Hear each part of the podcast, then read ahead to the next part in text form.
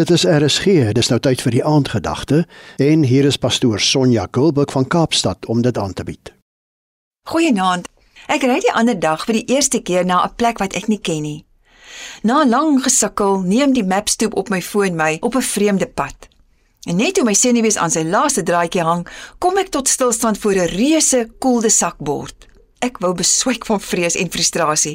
Ek moes noodgedwonge omdraai, maar kon gelukkig iemand bel wat my toe mooi gehelp het om vinnig en maklik uit daardie verknorsing te kom.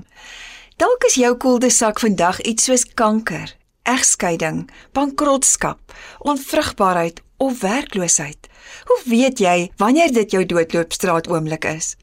Wel, dis wanneer dinge buite beheer raak en jy op daardie plek is waar jy self niks daaromtrent kan doen nie. Jy voel ontredderd, magteloos, gestroop, alleen. Soms moet jy omdraai, soms oorbegin. Dalk moet jy net 'n ander koers inslaan. Miskien moet jy iemand bel en vir hulp vra.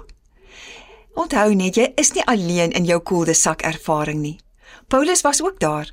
Ons lees in 2 Korintiërs 1 vers 9 en 10 die volgende. Hy skryf: Dit het gevoel of 'n doodsvonnis oor my uitgespreek is, maar ek het toe 'n baie belangrike les geleer.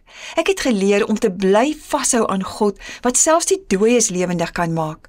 Uiteindelik het hy my uit daardie lewensgevaarlike situasie gered.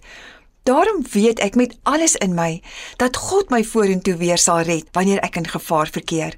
Hy sal my elke keer help wanneer ek in die nood is.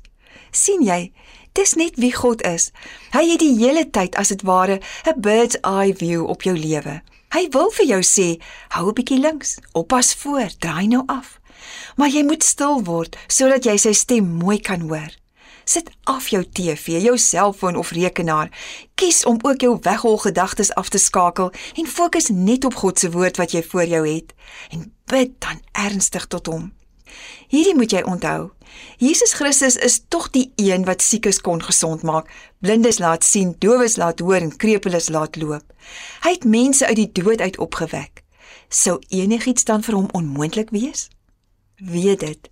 Jy voel dalk of die situasie buite jou beheer is, maar niks is ooit buite God se beheer nie.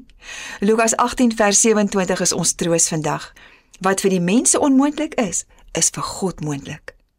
My Hemelvader, ek voel so gestroop hier by my koelde sakplek. Dankie dat U my vandag kom aanraak met U liefde.